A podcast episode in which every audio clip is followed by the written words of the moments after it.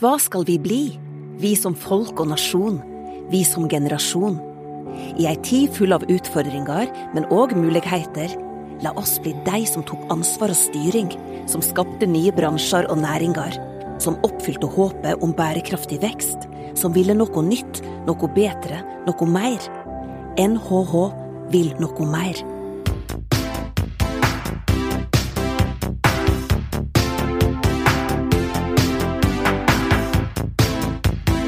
Velkommen til en ny episode av Ledertaffel, NHHs podkast om ledelse.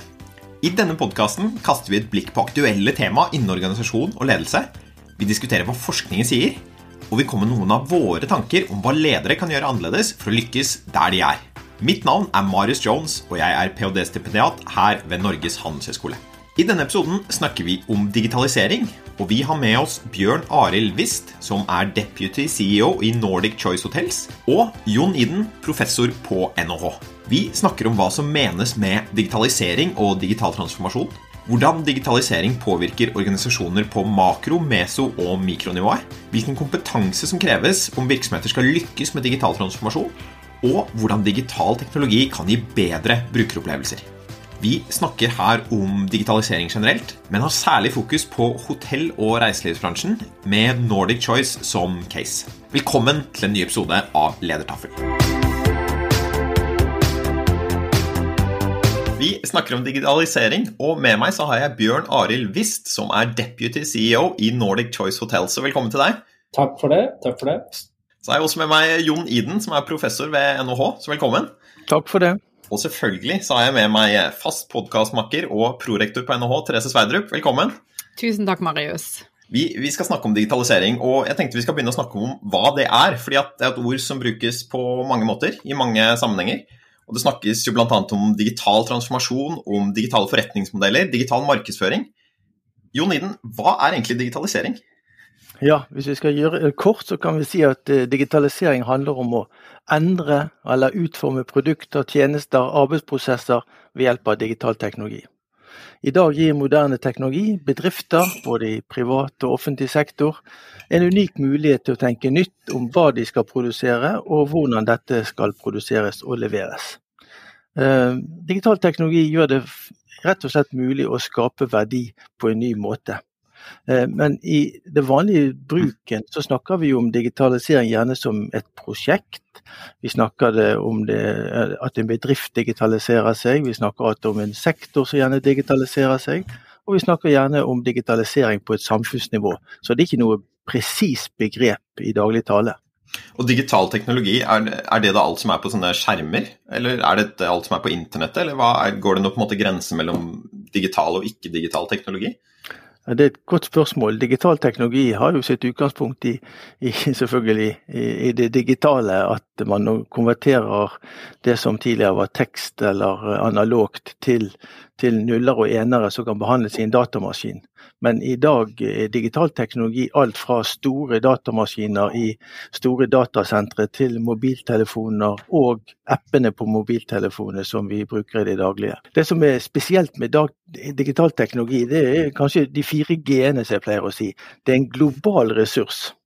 I, I, dag kan vi bruke digital teknologi uavhengig av fysisk eller geografisk loka lokasjon. Så mange tjenester er jo tilgjengelig i skyen, og de er tilgjengelige for alle. Eh, og det er en generell ressurs. Eh, både datamaskiner, programvare og data kan brukes til mange ulike formål. Eh, også andre formål enn det de først ble anskaffet til. Og så sier vi at digital teknologi er en generativ ressurs. Det betyr at vi kan innovere, lage nye ting ved å sette sammen teknologien på nye måter. Og til slutt, og ikke minst, det er en veldig sjenerøs ressurs. For vi kan gjen, gjenbruke programmer og data nesten uten merkostnad. Og, og det utfordrer jo tradisjonell økonomisk, tradisjonell økonomisk tankegang, sånn som begrensede ressurser og skalaøkonomi. Og Vi kommer sikkert tilbake til dette her når vi snakker om skalerbarhet av dette, her, for det, det, er i hvert fall noe som popper opp i mitt hode når du beskriver de fire g-ene. Hadde du et innspill her, Bjørn Arild, også, eller, på dette med hva det er? Ja, jeg tror det som Jon her sier om at eh, det ikke er et presist begrep, og at det er ganske vidt, eh, det er ganske viktig å ha med seg da, eh, i, liksom, når man skal jobbe med dette her ute i ledergrupper eller virksomheter. Jeg tror for, for, noen så er jo digitalisering Noen opplever det som en litt sånn snevrere ting av liksom, den tech- og IT-verden. Og for andre så er det bare et nytt ord. Eh, og når man kommer inn i en ledergruppe, så, så, må man liksom være forberedt på at der er det ofte fire Det sitter fire ulike tanker da, fordelt rundt. Noen skal bruke det for markedsmuligheter. Noen tenker rasjonalisering. Noen tenker cost cutting, og andre tenker standardisering og automatisering. Og når du da på en måte går på med friskt mot på noe sånn digitalisering, så må man være klar over at liksom mindsettet hos lederne kan være veldig veldig fornuftig. Jeg tror, er veldig, veldig forskjellig. Eh, så jeg tror liksom en sånn, litt sånn avgrensning før man kaster seg ut i en diskusjon om beslutning, om det er på en webside, om det er en app eller om det er et eller annet nytt backoffice-system, den er viktig i dette. Og veldig spennende, og jeg synes det er spennende å høre din liksom, inngang i det, Bjørn Arild, på denne ledergruppen. Jeg ser det for meg, jeg sitter jo selv i en ledergruppe, og vi Ja, det, det er ikke alltid like lett. Eh, og kompetansenivået er ulikt, selvfølgelig. Mm. Og da er det jo fint at Jon, du jobber jo med disse NHH-studentene våre som eh, ikke bare lærer om digital teknologi, som du sier, men dette med digital transformasjon. Altså hva ligger i det, hvis vi drar det et skritt videre? For én ting er å forstå digitalisering, men hva er digital transformasjon? Ja, Det er gjerne et enda vanskeligere ord. for Det er, oi. Mer, det er enda, enda mer omfattende uh, fenomen enn en digitalisering. Uh, for å prøve å forklare det, altså, Mens digitalisering ofte handler i en bedrift om ett utviklingsprosjekt, så er digital transformasjon et resultat av flere digitaliseringsprosjekter. Sånn at en digital transformasjon realiseres gjennom en kombinasjon av flere tekniske og organisatoriske tiltak og endringer. En digital transformasjon tar gjerne mange år, og for mange bedrifter, slik som Nordic Choice, så slutter den aldri. Ja, nei, Jeg blir jo nysgjerrig med en gang. Jeg, eh, for du har jo fulgt, eh, du har jo forsket på dette, Jon. Mm. Kommer du på noen eksempler? Med digital transformasjon? Ja, ja altså Nordic Choice er et godt eksempel som vi skal komme inn på, uh, inn på, senere. Men de aller fleste, veldig mange bedrifter opplever at de er, er, i en digital transformasjon. Enten man definerer det som en digital transformasjon, eller om man, om man definerer det som en, bare en større endring. Men innføring av digital teknologi skjer oftere og oftere, i større og større omfang i de aller fleste bedrifter. Og som vi skal komme inn på litt senere, så, så påvirker det òg flere og flere dimensjoner og forhold i virksomheten. Jeg tror, jeg tror jo liksom digital transformasjon det, det, De fleste jeg møter i sånne sosiale sammenhenger som ikke jobber i hotellverden, de tenker jo ja ja, dere har vel ikke så store problemer, det er jo strengt tatt liksom rom og frokost dere driver med. Så vanskelig kan det jo ikke være. Eh, liksom, og det har jo Jon sett, med, eh, og, og, sett liksom hva som har skylt inn i vår verden eh, de siste 15 årene. Det, det er jo som, som, du sier, Jon, vi, vi, vi oppdaget vel litt sent da, at vi var i en digital transformasjon. fordi det var andre aktører som, som rett og slett prøvde å ta rotta på oss og, og, og komme liksom imellom oss og gjestene. Mm. Og jeg har sagt det tidligere, jeg tror liksom hotellbransjen for 15 år siden var litt sånn som landbruket på 50-tallet. Vi setter Ja ja, disse distributørene de går, altså, Vi sitter jo strengt tatt på gulrøttene og blomstene og kålhuene. Og hvem er det som har dratt av gårde med, med, med, lønnsomheten og kontrollen? Det er i hvert fall ikke landbruket, det er jo distributørene, er retail som har gjort det. Og litt det samme er det jo. Det er jo det vi er på en måte uh, utsatt for. Det høres litt sånn offeraktig ut, men, men, men, det er denne liksom, globale konkurransen vi plutselig liksom, endte opp i. Når liksom 93 mm. av nordmenn kjøper, starter sitt hotellkjøp på en internasjonal plattform, altså Google eller tilsvarende, eller andre typer mer spesifikke bookingkanaler, det er jo den, den reelle eh, problemstillingen. Da. Kunne tenkt meg å legge til noe der. altså digital, Digitaliseringsprosjekter starter ofte ved at noen i virksomheten fattet interesse for en type digital teknologi, så de syns det er spennende og de ser kan utnyttes for å f.eks. For forbedre en arbeidsprosess. Men, men, det Bjørn Arild sier her og peker på, det er jo at en digital transformasjon starter ofte med en erkjennelse over at noe må gjøres. Mm. En annen form for trussel utenifra, som, som gjerne leder frem til en ny forretningsstrategi.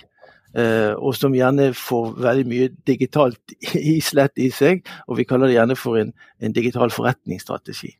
Eh, så, så, det er ofte altså et eller annet, en ekstern trussel er ofte det som driver digital transformasjon oppfattes som en mye mer omfattende endring enn et digitaliseringsprosjekt. Og den digitaliseringen her har jo liksom satt ekstremt lys på en viktig del av hotellverden som hotellselskapene ikke har vært så opptatt av tidligere. Og det er jo akkurat den lille delen, eller nå veldig store delen, distribusjon. La oss begynne med å snakke med den. da, for jeg tenker Det er en veldig god inngang til å snakke om hvordan Nordic Choice jobber med digitalisering nå. Og jeg tenker Dette konkurransebildet er litt sånn spennende. Eh, og det viser jo også, jeg synes det godt illustrerer da, hvordan sånne digitale tjenester fort kan bli veldig skalerbare. At det er kanskje den samme portalen som kan eh, på en måte tjene folk som vil bo på hoteller i Norge og i Singapore og i hvor som helst annet i verden. Så vil du si litt om konkurransebildet dere har møtt, eh, Bjørn Arild, som, som, er knyttet til digitalisering, og kanskje dette med distribusjon først? da? Ja, altså For ikke å starte altfor langt tilbake, da, men det er klart at vi så jo på særlig de nye aktørene, vi, altså Online Travel Agents, eh, som vi kaller dem, OTR, eh, som en blessing. De kunne plutselig eh, reklamere for våre hoteller i hele verden. Mm. Vi slapp jo å oversette websidene våre til kinesisk og til tysk. Og til, altså, dette var jo kjempefint. De tok en pen kommisjon for det. Jeg tenkte dette er jo bra. Jeg tror ingen av oss tenkte jøss, de kommer til å prøve å ta over all trafikken. det, det var det ingen som tenkte på da. Så vi var veldig, veldig positive til dette. Og så tar det en enorm fart. Og, og vi er over i selskaper som har på en måte en, en størrelse og en styrke som liksom gjør de fleste hotell Eh, selskap som små mygger. Jeg kan bare sånn, Til sammenligning så har du da altså du har Marriott. Det er verdens største hotellselskap. Altså De har 7800 hotell. De har 1,4 millioner rom. Og jeg tror det er, altså, Nestemann på lista har liksom 800 000. De har en market cap på 46 milliarder dollar. Så har du Airbnb. De eier ikke et eneste leilighet. De har ikke en resepsjon, de har ikke en nøkkel, de har ikke en renholder, de har ingenting. De har en market eh, cap på 101 milliarder dollar. Altså, de er dobbelt så eh, eller eh, prissatt dobbelt så mye som verdens største hotellselskap. Og det er jo det store bildet. Ja. Og det som, den, som den, det som, har dratt seg til i, i, vår verden, er jo at du har et, et duopol, da. Et globalt duopol mellom to egentlig grupperinger. Og Jeg tror jeg har sagt det uh, tidligere, men hvis du som typisk hotellgjest altså går inn, så skal du sjekke litt ulike tilbud. Så går du kanskje inn på expedia.com, du går inn på hotels.com. Uh, du er litt sånn verdensvant, så du er inne på Hotwire, for der har du noen kule greier. Du prøver deg på e-bookers, og så kanskje tar du en liten tur innom cheap tickets. Og tenker du, nå har jeg sjekka fem ulike sider. Mm. Har du vært i samme selskap hele tiden? Dette er Expedia Group. Wow. Dette er Expedia Group. eh, Expedia eh, og Booking.com har jo kjøpt opp. Ja? Så når du da går på Trivago, da er det også Expedia. Og de kontrollerer et sted mellom 90 og 95% av all online travel agency-trafikk. Mm. Kjører brandene opp mot hverandre osv. Men det er klart at dette gir jo de en stor konkurransemessig fordel når man skal forhandle kommisjoner osv. Og, så videre, og har gjort de aller, aller fleste hotellselskap helt mm. avhengig. Veldig mange uh, av særlig enkelthoteller osv.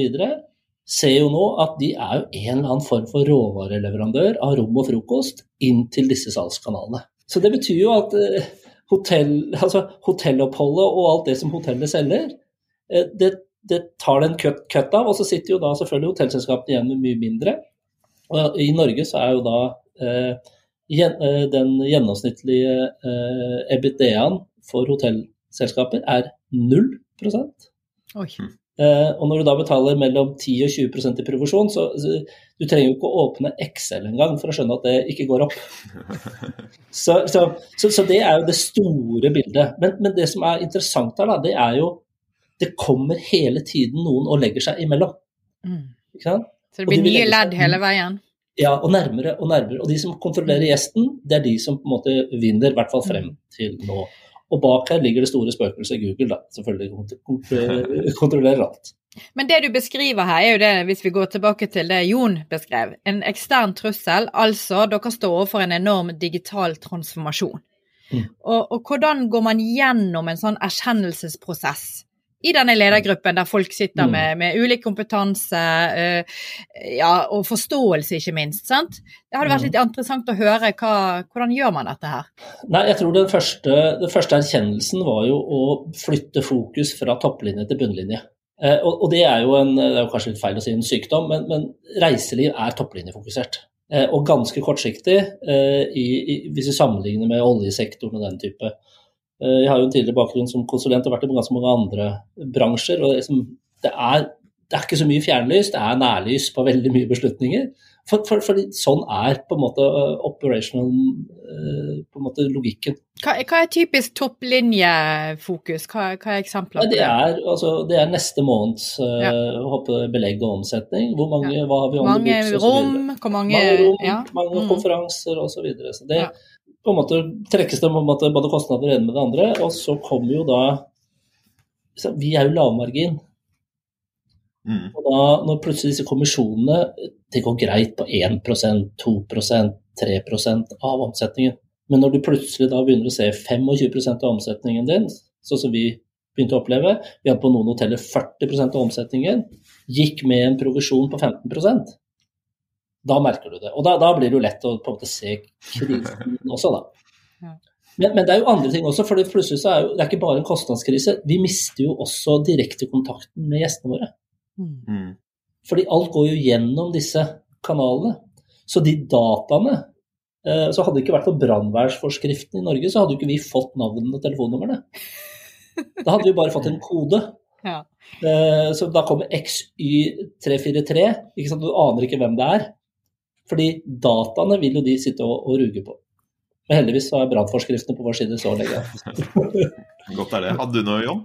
Ja, Bjørn Arild, hvordan eh, hva si, eh, håndterte dere i ledergruppen denne erkjennelsen? Altså, Én ting er jo å forstå det som skjer, men, men, eh, men hvordan agere?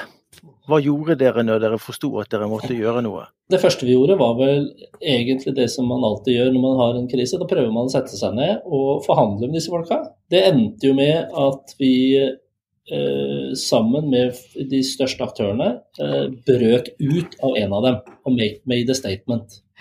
Eh, det gjorde jo forhandlingsklimaet litt lettere, men det løste jo ikke den digitale utfordringen.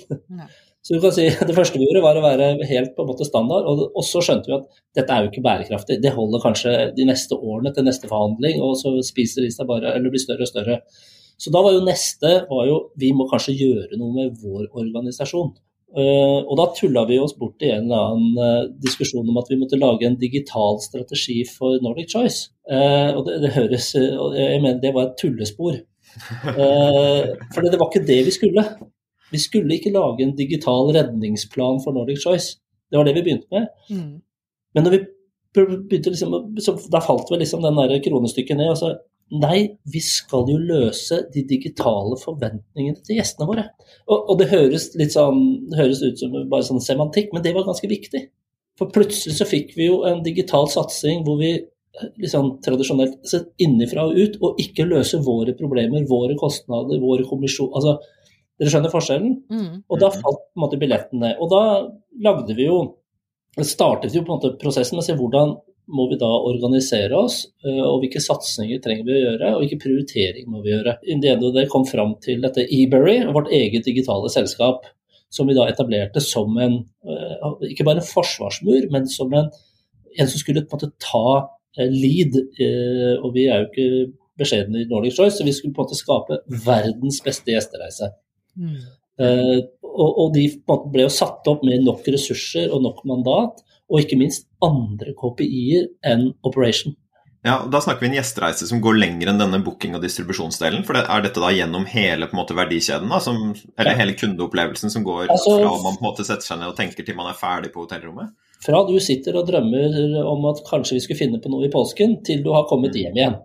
Og så var jo litt av hemmeligheten sy sammen den For det var nok et feilspor vi gjorde. Vi skulle lage en digital gjestereise, og så skulle vi ha en fysisk gjestereise. Nei, jeg er én gjestereise som veksler med å være fysisk og digital. Jeg blir jo nysgjerrig igjen eh, tilbake til deg, Jon. fordi at Du har snakket tidligere om at dette med digitalisering treffer ledere på det vi kaller et makro, et meso og et mikronivå. Og jeg synes Når Bjørn Arild snakker nå, så, så, kan man liksom ane at ja, det er nok flere nivåer her. Kan ikke du beskrive litt de nivåene, og så kan vi leke oss litt med hvor det, hvor det treffer henne? Jo, det kan jeg godt. Det er veldig typisk det Bjørn Arild beskriver her. denne, man, man opplever at man er i et nesten digitalt økosystem der en del rekke virksomheter blir eh, nesten mer digitale enn man selv.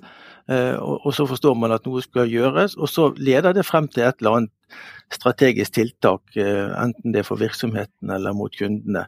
Og så, som igjen leder frem til at man gjerne investerer i et, et digitalt innovasjonssenter og, en, og utnevner, utnevner, gjerne, en digitaliseringsdirektør.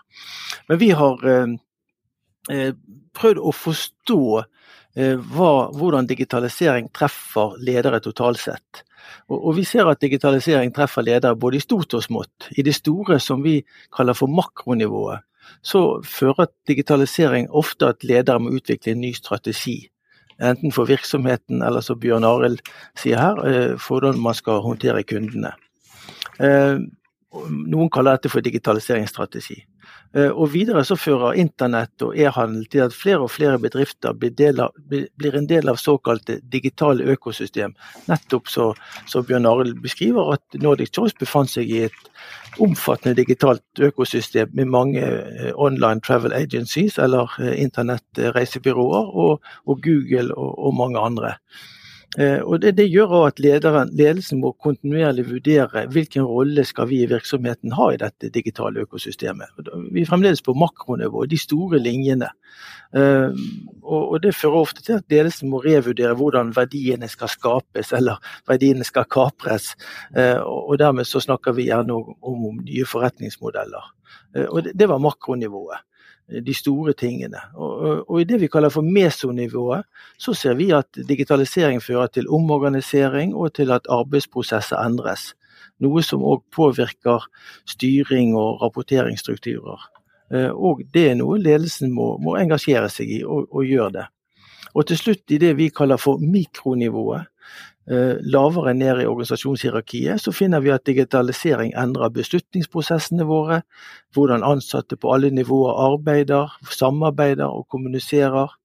Altså Arbeidslivet endres, og utviklingen i enhver bedrift må, må ledes av, av da lederne. Eh, og Totalt sett så fører alle disse endringene både på makro-, og meso- og mikronivå i en bedrift til det vi kaller for den digitale transformasjonen. Jeg synes det er en bra beskrivelse av det der. Og jeg tror jo vi har på en måte vært mest egentlig på dette øverste nivået. Dette er på liksom det strategiske nivået. Bjørn Arild, du har jo snakket om dette her med endret konkurransebilde og hvilken plass på en måte dere skulle ha i, i verdikjeden der. Mm. Og så kom du inn på liksom denne her kundereisen, og den, den, på en måte innbefatter jo mer også. da. Og Noe som vi snakket om før vi gikk inn i denne samtalen, var jo på en måte at kanskje det verdiforslaget som hoteller har da, til brukere, er jo bookingen. Det må skje. Tas an på en måte. Og så er det på en måte operations, hvordan du på en måte leverer tjenesten når, når folk er på, på plass eh, i mm. hotellet. Og så er det selve bygningsmassen her. Mm. Og Vil du snakke oss litt mellom, mer gjennom hvordan på en måte alle de tre er påvirket? For da tror jeg vi fortsatt er på litt på det strategiske nivået, og så begynner vi kanskje å jobbe oss nedover i pyramiden. Jeg tror, altså jo, Digitalisering har jo truffet oss på alle disse områdene eh, i veldig stor grad. Og så er det klart, det er jo særlig den eh, konkurransemessige situasjonen mot OTA-er og sånn som virkelig er sånn top of mind uh, for veldig mange ledere. Men, men, hvis vi ser hva vi gjør på altså, F.eks. når vi nå har uh, innsjekk uh, via mobilen. Du får nøkkelen inn på mobilen, du går rett opp på rommet. Så betyr det at resepsjonistene kan få en annen hverdag. Mm. Vi, du bestiller si, en room service bestiller du via en app som du enten får opp eller henter selv bestiller på restaurantene, og det er jo veldig drevet av korona osv. Men det endrer jo arbeids, eh, si, arbeidsinstruksen for, for, de ansatte eh, også. Og det som er liksom, jeg synes er litt sånn paradoks, da, altså, når du ser hva vi har klart gjennom teknologi de siste 30-40 årene. altså Vi borer i vinkel på 3000 meters dybde, vi kjører drone på Mars. Men å få til å vaske et rom eller servere en kopp kaffe like bra som en servitør, Det klarer vi ikke. Det er helt umulig. Og det er klart, altså, det er noen på en måte paradokser her. Da. Men klart, vi har jo roboter vi på kundesenteret vårt eh, som svarer på mailer og, videre. Men liksom, den, der, den personlige servicen, der er vi langt unna på veldig mange områder. Men samtidig så har vi jo liksom Jeg, tror veldig mange syns det er bra å slippe å stå i en utsjekkskø. Det er kanskje det kjedeligste du gjør på et hotell. At du bare kan gå inn på appen, Mm. klikke ferdig gå. Det er ganske deilig. Men eh, jeg har jo møtt Jeg har jo snakket om dette Nordic Choice Case i en del sammenhenger. Presentert det på konferanser og skrevet om det og, og snakket med mange. Eh, og mange blir forledet til å tro at ja, men det handler jo bare om denne appen. Er dette så voldsomt, da? Eh, Men, de ser gjerne ikke at bak denne appen så ligger det òg store omfattende endringer, altså prosesser som må endres. E-operation, som du sier. altså Appen handler om, om booking-delen, altså den ene delen, en, ene beinet dere står på. Men det er klart, for å kunne håndtere de henvendelsene som kommer fra, fra gjestene gjennom appen, som dere legger opp til at man skal enten bestille en avis eller flere håndklær eller guiding på byen, så, så må det altså ligge noen arbeidsprosesser bak i operations som er klare til å respondere på, på, på gjestens eh, anmodninger eller forespørsler. Eh, Og det er ikke minst krevende. Det er kanskje enda mer krevende enn å, lage den appen med den funksjonaliteten og få det til å fungere eh, med alle de, de tusen ansatte som dere har. Ja, tommelfingerregel i hvert fall for oss der er jo at altså det som ser enklest ut for gjesten, det er det som er mest krevende for oss og kostnadsdrivende å utvikle. Ja. Eh, Bare denne romnøkkelen som høres ut som en veldig sånn Det er jo ikke bare å få opp denne QR-koden eller få opp denne, eh, denne, eh, denne RFID-signalet. Det er jo noe ting som security. Dupliseringer altså Det er brannforskrifter. Det, det er sånn, bak der så er det ganske mye som er på et ganske høyt nivå sånn rent teknologisk. Men det virker veldig enkelt når det først virker. Vil du si litt om hva det har gjort med organisasjonen deres? For jeg tenker jo, Hvis man skal si at det endres noe i, hva, i backenden her, da, hva gjør det med hva slags kompetanse dere trenger, og hva slags på måte, folk dere har, og, og hvordan dere jobber? Tror, hvis du ser sentralt altså på hovedkontoret, så er det jo altså, Selvfølgelig så er innslaget av eh, altså de som jobber i teknologiavdelingene våre, helt annet enn det bare var for seks-syv år siden. Vi har på en helt annen eh, Før så hadde vi en litt mer sånn tradisjonell IT-gjeng som drev med ja, driftsoppfølging og sette opp noen systemer og håndtere lisenser. Nå har vi jo utviklere eh, som sitter og, og, og, koder, vi har folk som sitter og konfigurerer osv. Så, videre. så det er blitt en stor gruppe hos oss. Men så har jo også marketing endret seg ganske dramatisk. Den gamle, gode marketingavdelingen, med de, det er de som er morsomst på julebordet og har de kuleste brillene. Den gjengen er jo på en måte nå litt bytta ut på de som kan eh, ha, på si, eh, optimale- optimalisere søkeord på Google. Mm. Eh, Så, så det, er liksom, det er endringer på mange områder. Da. Eh, Men det er særlig de gruppene der. Men når det er ute, så er det jo at resepsjonistene plutselig kan bli mer sånn type floor managers og hjelpe Mm. til med ting som kanskje gjestene trenger mer. Hvis de har behov for liksom, ja, bestilling av, uh, av en restaurant som kanskje ikke er anbefalt, eller de, har en, en, de lurer litt på byen, eller lurer, altså har helt spesielle ønsker, så slipper man å bruke masse tid på egentlig å gi dem en nøkkel og et romnummer, for det løser de selv. Ja, så, så, så Da kan du få en mye bedre personlig service, og du kan jo tilpasse servicen. Fordi noen vil ikke prate med en resepsjonist, de skal bare opp på rommet, sove og hjem igjen. Eh, Mens andre vil jo gjerne ha på en måte hele opplevelsen, prate litt osv. Og, og da har vi muligheten til å gi de enda mer enn det de tidligere eh, fikk. Men eh, Bjørn åpner dette opp for hyppigere eh, interaksjoner mellom gjesten og personalet eh, gjennom oppholdet? Jeg tror det er veldig forskjellig, eh, avhengig av hva slags type gjester vi har. Eh, vi har de som bor mye hos oss, og som gjerne i forbindelse med jobb. Eh, de kjenner jo personalet ofte, for de bor jo ofte på samme hotell også. så der, der har du, og Da prat, småprater de, men de løser alt det praktiske selv. Jeg, jeg, jeg tror de bare har de er samme hyppighet, men det er bare en annen type dialog. Eh, men jeg tror jo resepsjonistene våre har mer tid til de som virkelig vil.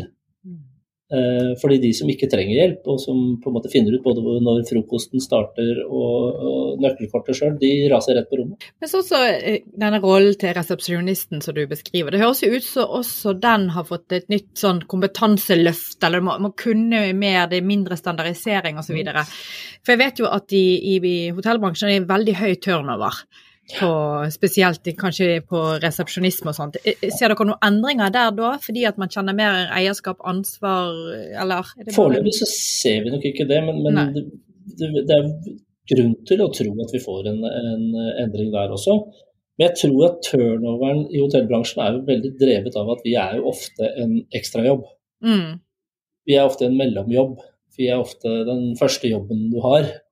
Eh, så man begynner, jobber under resepsjon, så er det ikke alltid at du har på en måte perspektivet 35 år og her skal jeg altså, Dette er en ekstrajobb i veldig veldig stor grad. Mm. Eh, men, men, jeg tror jo litt sånn som man snakker nå blant legene, liksom, eh, at det, det, altså, det å begynne å kommunisere og ikke bare sitte og se inn i en dataskjerm og så spørre litt sånn forsiktig, sånn, man kan kanskje beskylde enkelte leger for å ha gjort tidligere.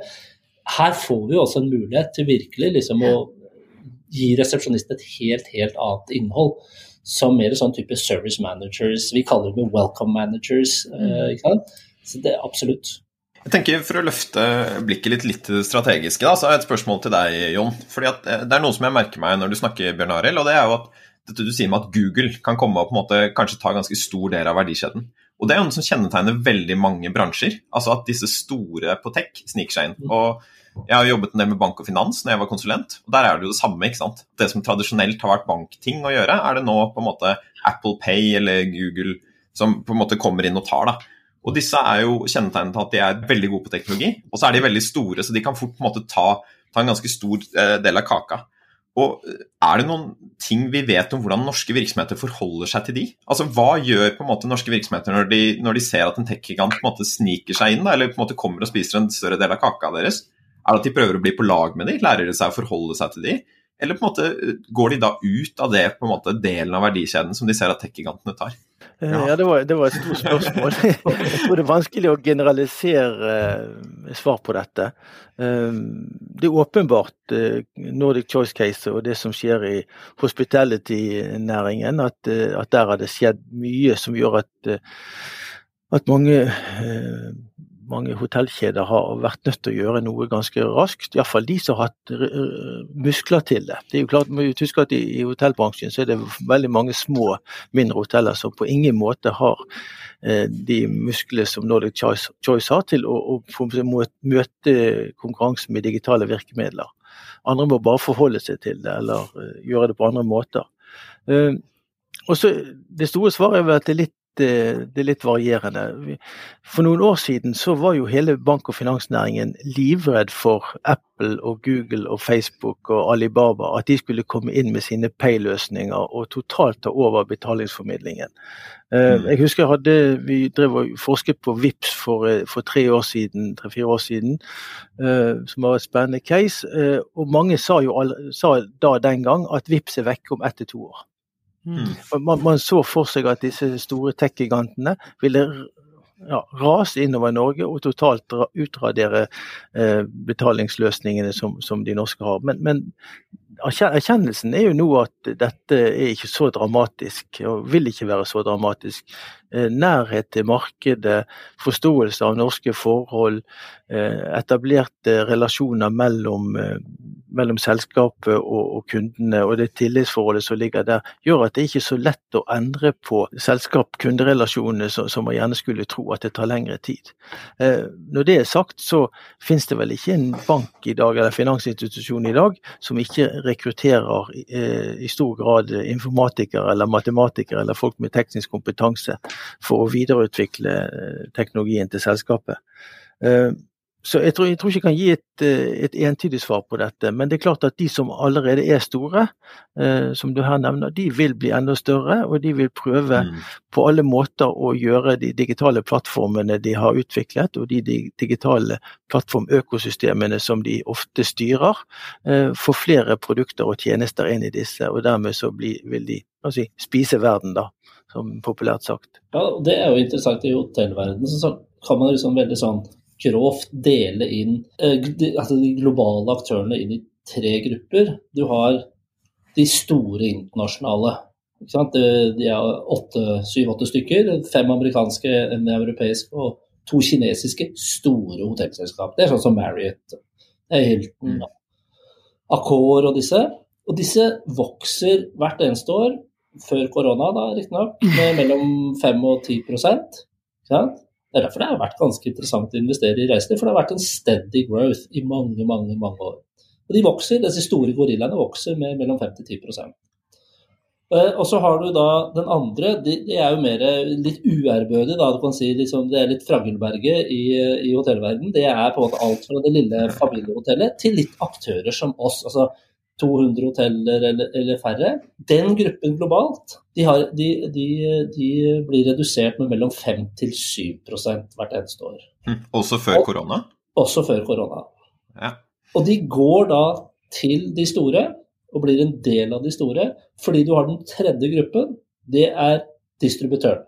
Mm -hmm. Det er Expedia, det er Booking, det er Trip, Trivago og osv. Og, og de har jo vokst med tradisjonelt 50% i året. Så du har jo liksom en ja, du har konsolidering på distribusjon, men du har jo også de store globale selskapene blir jo også større.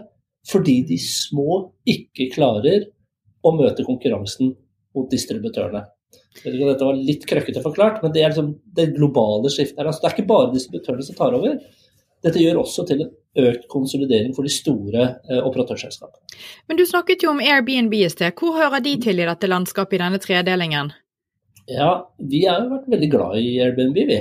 Okay. Uh, og jeg vet ikke hvor mange ganger jeg har blitt ringt opp av journalister som lurer på når Airbnb skal ta over uh, liksom, distribusjonen. Uh, når de kom, så for det første selger de leiligheter i utgangspunktet. Og, og, og uten å, si, å, å, supplere hotellverden med leiligheter rundt omkring eh, hadde vært helt umulig. Det hadde ikke vært et, en, en, et stort eh, eh, sportsarrangement i Norge hvis ikke vi hadde kunnet selge privat, ha privat utleie av leiligheter. Så sånn så er det på en måte velkomment. Men vi tenkte jo heller med de at la oss nå heller, vi har jo noen leiligheter vi også, så vi legger opp leilighetene våre der. Mm. Og så har vi gjort litt spennende samarbeid med dem. For vi tenkte hm, uh, vi har jo mange av leilighetene, bynære leilighetene ligger jo rundt hotellene våre. Så vi inngikk jo bl.a. i København et samarbeid der med de leilighetene som ligger rundt det ene hotellet vårt der. Så sa vi vet du hva, her kan du på en måte få hotellservicen på, i leiligheten. Så da kan du få room service hvis du vil ha det. Du kan velge å si, hver dag eller annenhver dag. Du kan få uh, housekeeping, room service, du kan bruke gymmen, du kan gå inn i restauranten du får osv. osv. Og, og det var jo kjempegøy. Så, for vi så, så Airbnb for oss var nok mye mer en samarbeidspartner. Eh, for de også var jo mye mer villige til å liksom, dele data og tenke litt sånn som de tradisjonelle reisebyråene som vi har samarbeidet i alle år, tenker hvor vi på en måte egentlig sammen prøver å gjøre det beste for gjestene. Kan ikke du si litt mer om de, den avveiningen mellom det å samarbeide og det å prøve å på en måte konkurrere med disse her som er skikkelig gode på tech? For Det mm. høres ut som eBerry er jo et uh, eksempel hvor dere prøver å ta opp konkurransen med sånn som Expedia når det kommer mm. til bookingen. Mens når jeg hører du snakker om Airbnb, så er det mer å prøve å gå inn og komplementere det eller være på lag. Hvordan ser de på en måte vurderingene ut når dere skal velge hvordan dere forholder oss til, eh, til det endringene i konkurransebildet? Det er jo litt sånn trussel- og risikovurdering eh, og maktforhold som er en del av det. Men vi har jo lang erfaring med å krangle med både Expedia og Booking. ja, så, så, så, men jeg vil jo si det samarbeidet altså Vi har jo fått et bedre samarbeid, men jeg tror og der tror jeg vi skal være selvkritiske også. for jeg tror her er det egentlig to forretningsmodeller som krangler mot hverandre, istedenfor at vi begge to setter oss ned og sier OK, hvordan kan vi gjøre dette best for gjesten og fortsatt tjene penger begge parter? Dit har vi mm. ikke kommet. Kanskje Nei. det er litt umodent eh, sånn markedsmessig. Dit kom vi veldig raskt med Airbnb, da. Eh, men det var nok også fordi de selv, solgte noe som var supplerende til våre eh, mm. tjenester, og ikke direkte.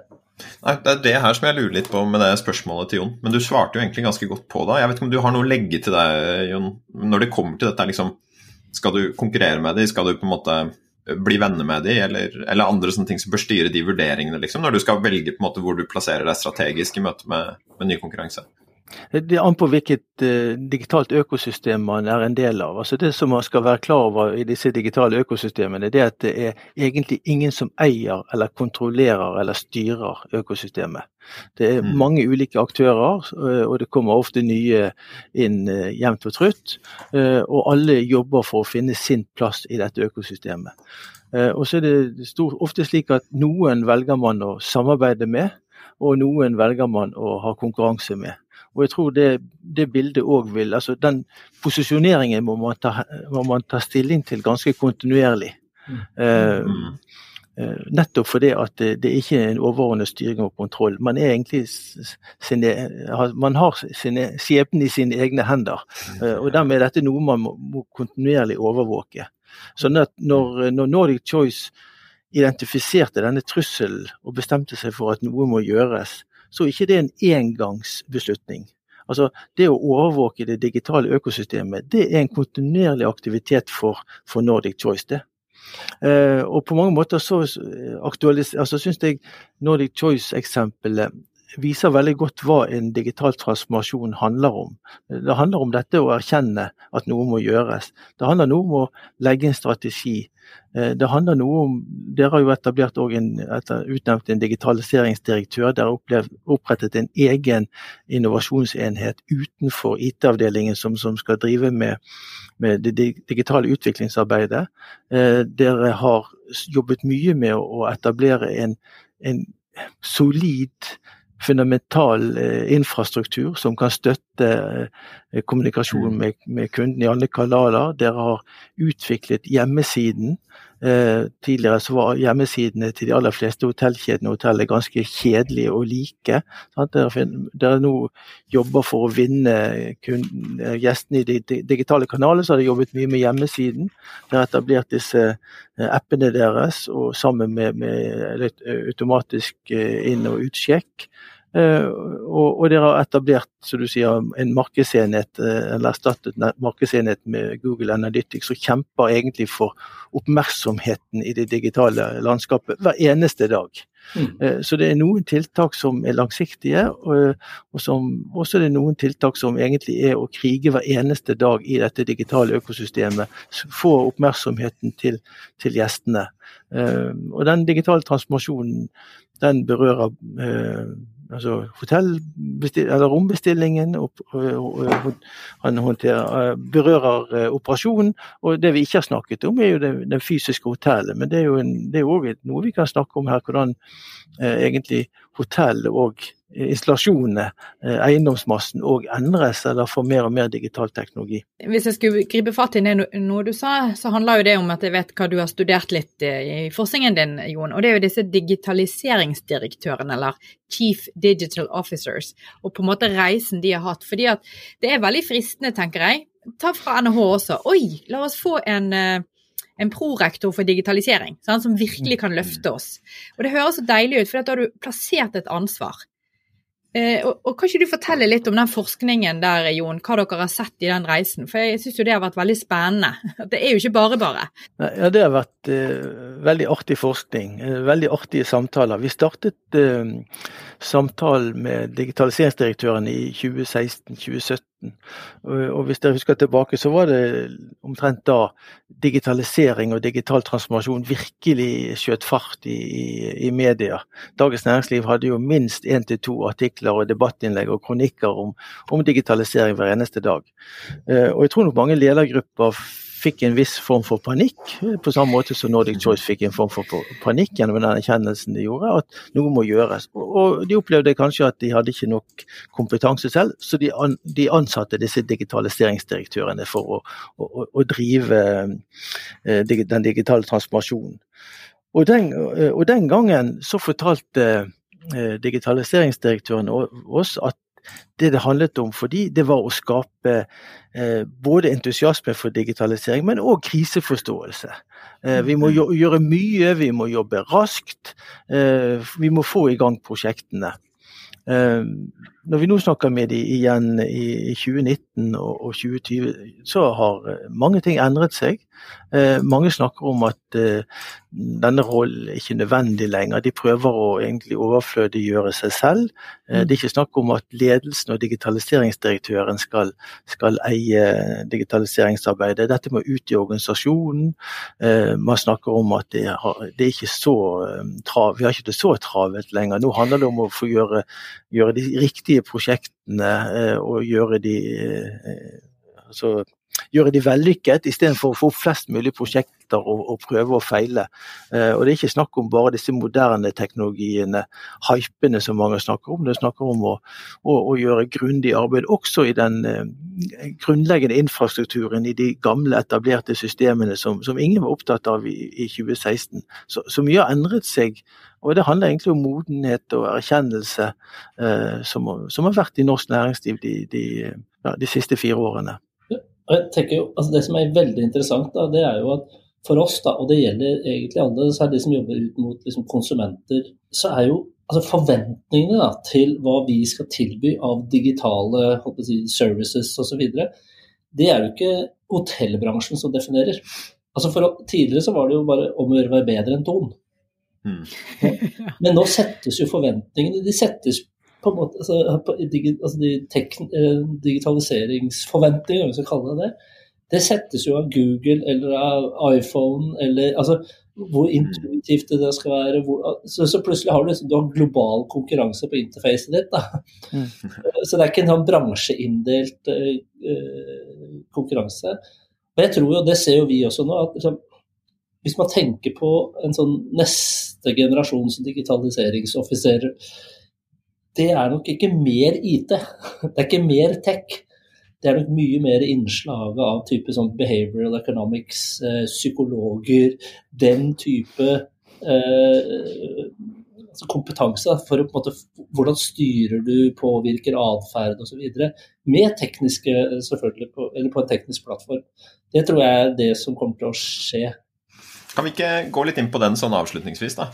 Bare for å føye til det, Bjørn Arild. Jeg kjenner meg veldig igjen i det med at forventninger settes fra andre plattformer. Jeg mm. merker det når jeg er inne og skal føre reiseregninger på økonomisystemer. Så, så, tenker jeg at dette burde være like enkelt som å finne musikk på Spotify, liksom. Eh, men, men, ta dette med kompetanse. ikke sant? For Vi snakket tidligere om at det blir mer folk som har IT-kompetanse. Altså Det er mer utviklere både i marketing og kanskje andre steder eh, også i organisasjonen. Mm. Men så snakker vi også om her at vi må kanskje være enda flinkere til å tenke strategisk. Brukeropplevelse blir viktig, så kanskje designere er noen som, som trengs her. da. Mm. Hvis jeg spør det oss både til Bjørn Arild og, og Jon Iden, da. hva slags kompetanse ser dere at, at, trengs, da? I tillegg til teknologikompetanse, for de som skal gå inn i en digital transformasjon? Det er jo, det er, Selvfølgelig er det på en måte teknologisk kompetanse, det vil jo fortsatt alltid være der. Men det, det som jeg sa sist her, det, det, er nok også den som klarer å bygge broen da, mellom det som skjer på en måte i den enkelte gjest eller kundes atferd, kunne på en måte forutse og, og, og på en måte Eh, skape eh, en positiv opplevelse der, da, da, da er det jo mer den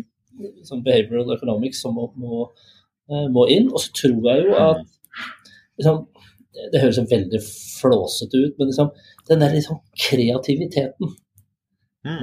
det, det, på en måte hele tiden kunne tviste litt på det du har, fordi du har ikke alltid råd til å starte å utvikle noe helt nytt. Eh, lead-timen er litt lang. Du har kanskje ikke de nødvendige ressursene, verken kompetansemessig eller, eller investeringsmessig. Så, så liksom, hvordan få det beste ut av det du har, da, og sånn kreativ uh, på det, det tror jeg også blir ganske viktig fremover. Og Særlig, særlig en hotellbransje da, som er litt skadeskutt etter en korona, så er det jo å få mest mulig ut av det vi allerede har utviklet. For det er jo det blir jo, alle skjønner jo det, at uh, de store investeringscasene er ikke det som kommer neste år i hotellbransjen. Ja, dette, dette, er et viktig tema. Uh, vi har forsket på hvilken ny kompetanse, hvilke nye ferdigheter som den digitale transformasjonen fører med seg. Uh, og Da finner vi jo flere ting. Det ene er jo at bedrifter ansetter personer med annen digital kompetanse enn tidligere. Bjørn Arild nevnte Google Analytics. Så man trenger f.eks. folk som kan jobbe med data, analysere data, håndtere de store datamengdene. Eh, og det var gjerne stillinger som man ikke hadde fra tidligere. Så, så mm. det er jo en type profil av mennesker som, som, ikke tidligere var til stede i mange bedrifter. Eh, og så jobber man med å utvikle ferdighetene til de som allerede er i bedriften. Mye handler om teknologisk forståelse. Mye handler rett og slett om å kunne bruke teknologien. Det, er lett å overse at det er behov for det, faktisk. Eh, man tror at alle behersker teknologi ganske godt, men mange bedrifter er jo ikke der. Eh, og så handler det om å, utvikle de samme menneskene til å, å kunne være med og utvikle sin egen hverdag. Tenke gjennom eh, sine egne arbeidsoppgaver og de arbeidsprosessene de er i, og selv ta initiativet til tiltak for å forbedre nettopp det Bjørn Arild sier, den eksisterende eh, virksomheten. Eh, og, vi har sett opp på at her må bedrifter velge ulike strategier, og de velger ulike strategier. De velger dels opplæring, de velger dels rekruttering, eh, og de velger dels samarbeid med andre der de ser at enten de har ikke behov for denne kompetansen lenge, eller at de kommer aldri til å bli gode nok til å ha denne kompetansen, eller eh, de, må, de må, samarbeide med andre for å få tilgang til kompetanse. Når det gjelder det andre vi ser, det er jo at digitalisering fører med seg nye arbeidsformer. Eh, ofte det vi kaller for agile. Eh, og Det betyr ofte å jobbe i tverrfaglige, ofte selvstyrte team, eh, der man kollektivt er ansvarlig for teamets resultater. Og Det innebærer at vi mer generelt sett må få ansatte som kan se utover sin egen rolle, sine egne, mm. arbeids, sine egne arbeidsoppgaver. Eh, kunne samarbeide med kollegaer med en annen profil. Eh, så sentrale soft skills, det vil jeg si er fleksibilitet, samarbeid, kommunikasjon, ta initiativ og ansvar, ikke minst. Eh, og kontinuerlig utvikle kompetanse og ferdigheter. Det er vel en, en sånn karakteristika som mer og mer vil gjelde for alle ansatte i virksomheten, uten, uavhengig av hvilke arbeidsprosesser eller rolle eller enhet man jobber i. Og bare slenge meg på det du sier der, Jon. Det rundt data, det har jo vi ansatt de siste årene. Altså folk som på en måte kan både forvalte data og ikke minst da bruke data. Og, og veldig mange ser jo på det som på det store gullet innenfor marketing. Og det er jo litt sånn når du har hvis du, hvis du, vet hvor du bor, hvor du jobber, hvilken BMI du har, når du trener, hva kjæresten din heter, hva er preferansene dine på Google-søk altså, det, det, det, her er jo både skremmende og en kjempemulighet. Eh, det er klart at eh, det å på en måte kunne bruke data på en fornuftig måte og kunne være, altså personifisere da, tilbudene, det er jo en kjempemulighet. Men samtidig også en kjempetrussel. Jeg tenker altså Når en sosial medieplattform kan påvirke et valg i et vestlig land, så kan det nok påvirke hotellbransjen også. så, så, så, det er jo også noen, noen, noen prosesser her som, som, det er verdt å være litt oppmerksomhet for politikerne også. For dette er jo helt utenfor noe demokratisk kontroll whatsoever. Så det, dette er både en mulighet, men også en ganske stor ja, politisk debatt som vi kommer til å få mye av de neste årene fremover. Du, du, spurte Marius her litt tidligere altså, hvilke ferdigheter ledere trenger for å håndtere den digitale transformasjonen. Mm. Um, og Vi har forsket litt på det vi kaller for digital ledelse. Uh, og Vi har funnet en del egenskaper som, som kjennetegner ledere som er, er, modne på det området. Og Jeg kan kanskje trekke fem-fire funn, hvorav ett av de er knyttet til, til dette med data. For vi, vi, fant at det vi kalte for, eller kaller for digitalt modne ledere, de, de er opptatt av å ha tilgang til sanntidsdata om egen virksomhet og om tjenesteproduksjon. Um, vi, vi har intervjuet eh, ganske mange og, og, spurte de om deres egen bruk av digital teknologi. Og Noen var opptatt av at de var veldig flinke på Office-pakken og kunne bruke Skype til videosamtaler. Og Dette er ikke, det er ikke tøys. sant? Eh, mens andre de entusiastisk viste oss dashboardene sine, der de kunne følge med til enhver tid hvor mange leads og hvor mange salg og hvor mye de hadde på lager og Og, og brutt ned på, på, ulike kategorier eller hva det skulle være. Vi besøkte et fiskeoppdrett som kunne vise hvor mange fisk de hadde i hver merd. Hvor mye fôr de hadde fôrt i dag i forhold til i går. Hvor mye sykdom og fiskedødelighet. Sant? Og dette var ledere opptatt i. De satt med disse dataene. Eh, så det var ett funn. Altså Modne ledere de er opptatt av å ha tilgang til data om egen virksomhet. og Forstå og styre virksomheten gjennom data. Vi fant òg at eh, digitalt modne ledere er opptatt av kontinuerlig utvikling. mer enn det å binde seg til fasttømrede strategier og målbilder. Eh, det har de forlatt. Eh, vi har lenge preket om, om digitaliseringsstrategi og det å lage nye strategier, men, men de som vi opplevde var mest modne, de, de, de, var opptatt av å bevege seg raskt og endre kurs eh, jevnt og trutt etter hvert som behovene endrer seg. Eh, vi fant òg at de var mer opptatt av hvordan digitalisering kan fornye bedriften. Mer enn fokus på optimalisering og automatisering av eksisterende praksis.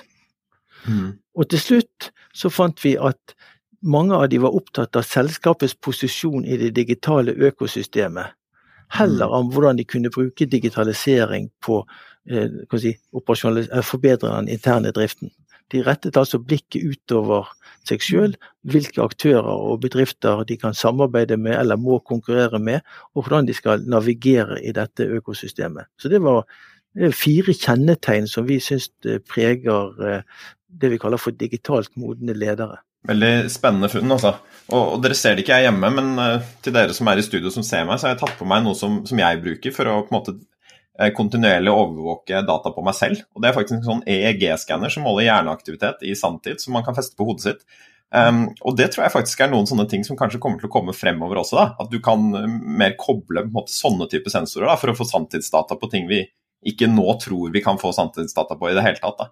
Så akkurat den der med å, å liksom kontinuerlig samle data på ting som foregår, tror jeg det har masse potensial og kommer til å ja, få mer plass fremover. Og jeg tror ja. gjerne et legemiddelselskap skal ha tilgang til de dataene. ja, det er ikke sant. Jeg vet ikke helt om jeg vil gi akkurat de dataene, men det kan hende de finner ut av det uansett. Og så er Det sånn, det er mye som jeg tenker er, som, som er det ikke-teknologiske, som jeg gjerne vil at du kan reflektere litt eh, over på slutten. da, Therese Her Fordi at her snakker vi på en måte om eh, soft skills og fleksibilitet, nye samhandlingsformer. Er det noe som på en måte du tenker er relevant fra måte din forskning eller det vi ser på team, som, som virksomheter bør ha på en måte i mente når de skal i gang med digital transformasjon? Ja, jeg synes jo Jon nevnte og var inne på det, dette med, med agil virksomhet er jo det vi ser veldig sånn i bredt eh, mange organisasjoner gyver løs på, fordi at de skjønner at eh, det de skal løse fremover er veldig komplekst. De vet ikke helt hva de skal løse. Vi må forene våre folk. Og Det er jo derfor det er gledelig for oss som da forsker på samarbeid i stort, at det går bare ikke av moten. Det blir bare mer og mer aktuelt å kunne noe om det. Og, og det vi ser handler jo om at når folk har utdannet seg og blitt mer og mer spesialisert, så trenger de et språk for å kunne snakke sammen. Og jeg syns jo Jon egentlig har oppsummert ganske mange av de ferdighetene som vi eh, mm. dykker ned i. Sant? Det med det kommunikative, det med å være fleksibel, det å kunne ta ansvar. Men ett ord, og jeg tror kanskje noen av dere nevnte det, nevnte det bare, eh, Bjørn Arild og, og, Jon, men dette med nysgjerrighet. Det mm. tror jeg er helt kritisk fremover. Eh, og det er en grunn til at i vårt strategidokument på NHH for fire år siden gikk veldig langt i å si at vi skal utdanne kandidater som er nysgjerrige. Og så handler det jo for vår del om å operasjonalisere. Hvordan skal du gjøre det? For det er klart at dette, Nå kan vi gå langt inn i psykologien, folkens, med personlighet her, sant? for vi er forskjellige. Men jeg tror bare at vi er nødt til å innse at fremtidens gode medarbeidere må ha den eh, delen av seg med, da, for å forstå. For det, Bjørn Harald, du har jo nettopp snakket om det. Hvordan, det å forstå de problemene vi sto i, hvordan vi skulle løse det. Det handler jo hele tiden om å stille de der riktige spørsmålene om å være nysgjerrig. Så det tenker jeg er i hvert fall en sånn kjempekritisk kompetanse fremover. Og Det er jo veldig fint at vi har podkaster om både kreativ tenkning og eh, team og alt mulig som ligger i, i feeden her, hvis ja. man føler seg nysgjerrig fortsatt etter å ha hørt på oss nå. Mm. Jeg tenker vi skal gå inn for landing der, ja. Og der så hadde det vært gøy å bare høre ett tips fra hver av dere som dere tenker at ledere som er nysgjerrige på digitalisering, bør ta med seg videre. Så Hvis det er noen som sitter her og tenker at kult, digitalisering, jeg vil vite litt mer om det, jeg vil på en måte sette i gang med litt mer av det i min virksomhet, hva er den første tingen det, dere tenker at de bør gjøre da? Altså Et tips, og det, jo, det gjelder både til, til, meg selv og jeg tror til alle andre ledere, det er altså, ting som du ikke forstår, kan også være bra. Kult. ha, ha, det mindsettet med deg. Eh, for, for, det er en ganske Altså denne, denne, denne nye verden, eh, som for de fleste av oss, selv de som er unge, er ganske kompleks. Den er mm. ganske vanskelig å sette seg inn i. IT er ikke hva det var når jeg startet å jobbe for 25 år siden. Det er et enormt Og du innledet vel med det, Jon. At det er et kjempestort felt med veldig mange ulik kompetanse. Og, og da er det lett å på en måte gå litt i forsvar og tenke ja ja, hvor vanskelig kan dette egentlig være? Og så gå glipp av noen geniale muligheter. Ledere må erkjenne at det blir ikke mindre teknologi i organisasjoner fremover. Man trenger ikke være teknologisk optimist eller teknologisk determinist for å, å, spå at det kommer til å bli mer og mer teknologi. og blir Bedrifter blir mer og mer avhengig av teknologi. Og, og for, Da tenker jeg at ledere er vant til å tenke at de, eh, de leder at De har menneskelige ressurser som skal ledes, de har penger som skal forvaltes. Men det blir en tredje ressurs som alle ledere mer eller mindre må forholde seg til, og det er digitale ressurser. Eh, så mitt råd er å rett og slett forstå mer av teknologiens egenskaper og muligheter. Og ta stilling til hva det betyr for din virksomhet. Eh, hvordan du kan utnytte den teknologien i din egen virksomhet. Men det handler om forståelse, og det står tilbake til det Bjørn Arild snakket om. Kult. Therese, har du et avsluttende tips? Det må jo være å utvikle den nysgjerrigheten i stort da, i organisasjonen. Det får jo jeg slå et mm. slag for. Mm. Veldig kult. Jeg syns dette ble en fin episode, at vi kom oss ganske, gjennom ganske mye. altså. Så tusen takk for at dere kom, Bjørn Arild, Jon og Therese. Takk skal dere ha. Takk. Tusen takk, veldig hyggelig å være med. Du har nå hørt en ny episode av Ledertaffel, NHHs podkast om ledelse. I studio i dag var Bjørn Arild Wist, Jon Iden, Therese Sverdrup og meg, Marius Jones. Om du vil vite mer om hva vi holder på med på Norges handelshøyskole, så finner du oss på nhh.no, og ved å søke på NHH på Facebook. Vi høres!